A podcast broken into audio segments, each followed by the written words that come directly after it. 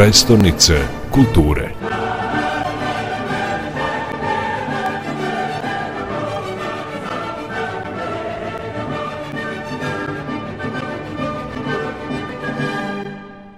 Otvaranje izložbe kolekcija kao gledalo modernizam u delima iz Galerije Matice Srpske, uvodni je program u godinu nacionalne prestonice kulture, da li ono nagoveštava i sam koncept programa?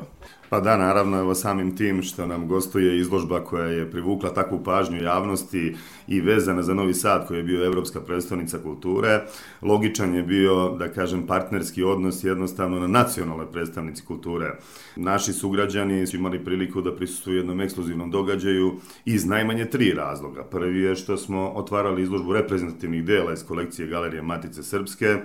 a svima je poznato da ona u svom fondu čuva stvaralaštvo nekih od najznačajnijih umetnika nacionalne istorije umetnosti i kulture. Drugi razlog je taj što galerija ovom godinom ulazi u godinu kada obeležava jedan veliki jubilaj,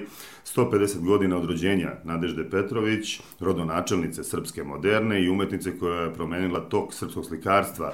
početkom prošloga veka i koja se nalazi upravo na početku cele kolone umetnika najzaslužnijih za uvođenje nacionalne umetnosti u evropske tokove. Treći razlog koji je možda i najzanimljiviji u ovom trenutku jeste taj što ovom izložbom galerija i grad Čačak odpočinju sa programskim aktivnostima na projektu Čačak nacionalna prestonica kulture 2023. godine i najavljujemo sadržajno bogate programe koji nas očekuju tokom cele godine, kako na nivou grada, tako i u našoj galeriji. Posebno nam je drago e, što imamo zaista veliku predusretljivost i izuzetnu saradnju kolega iz Galerije Matice Srpske i ja im se zahvaljujem na njihovoj želji da se ovako važna dela vide i u drugim sredinama i smatram da je e, intenziviranje saradnje ustanova sa svojim matičnim e, ustanovama od izuzetnog značaja za sredine kao što je Čačak.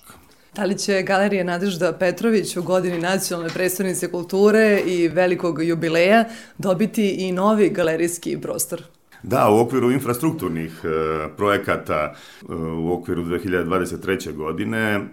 koji su, moram da priznam, izuzetno ambiciozni, e,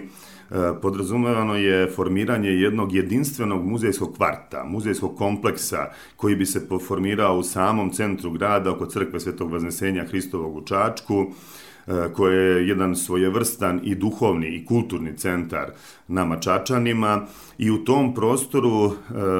uvođenjem i otvaranjem novih ustanova i depandanasa, konkretno etnografskog muzeja koji će biti izdvojeni depandans Narodnog muzeja i muzeja Košarke,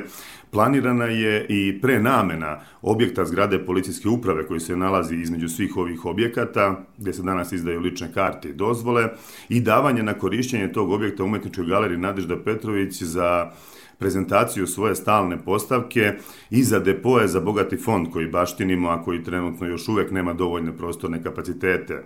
U okviru ovog ogromnog kompleksa planirana je rekonstrukcija ulice koja će sad dobiti jednu formu integrisane ulice sa e, smanjenim intenzitetom saobraćaja, e, uvećanim e, pešačkim površinama, drvoredima i jednom kompletnom materializacijom partera celog tom kompleksa kako bi se stekao utisak jedne jedinstvene celine u Čačku.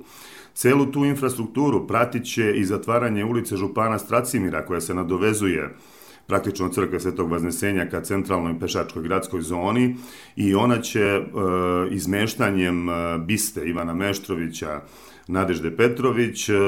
formirati jedan, da kažem, mini trg Nadežde Petrović koji će u vizualnom smislu praktično iz te šetačke zone i biti jedna vrsta uvoda u muzejski kompleks.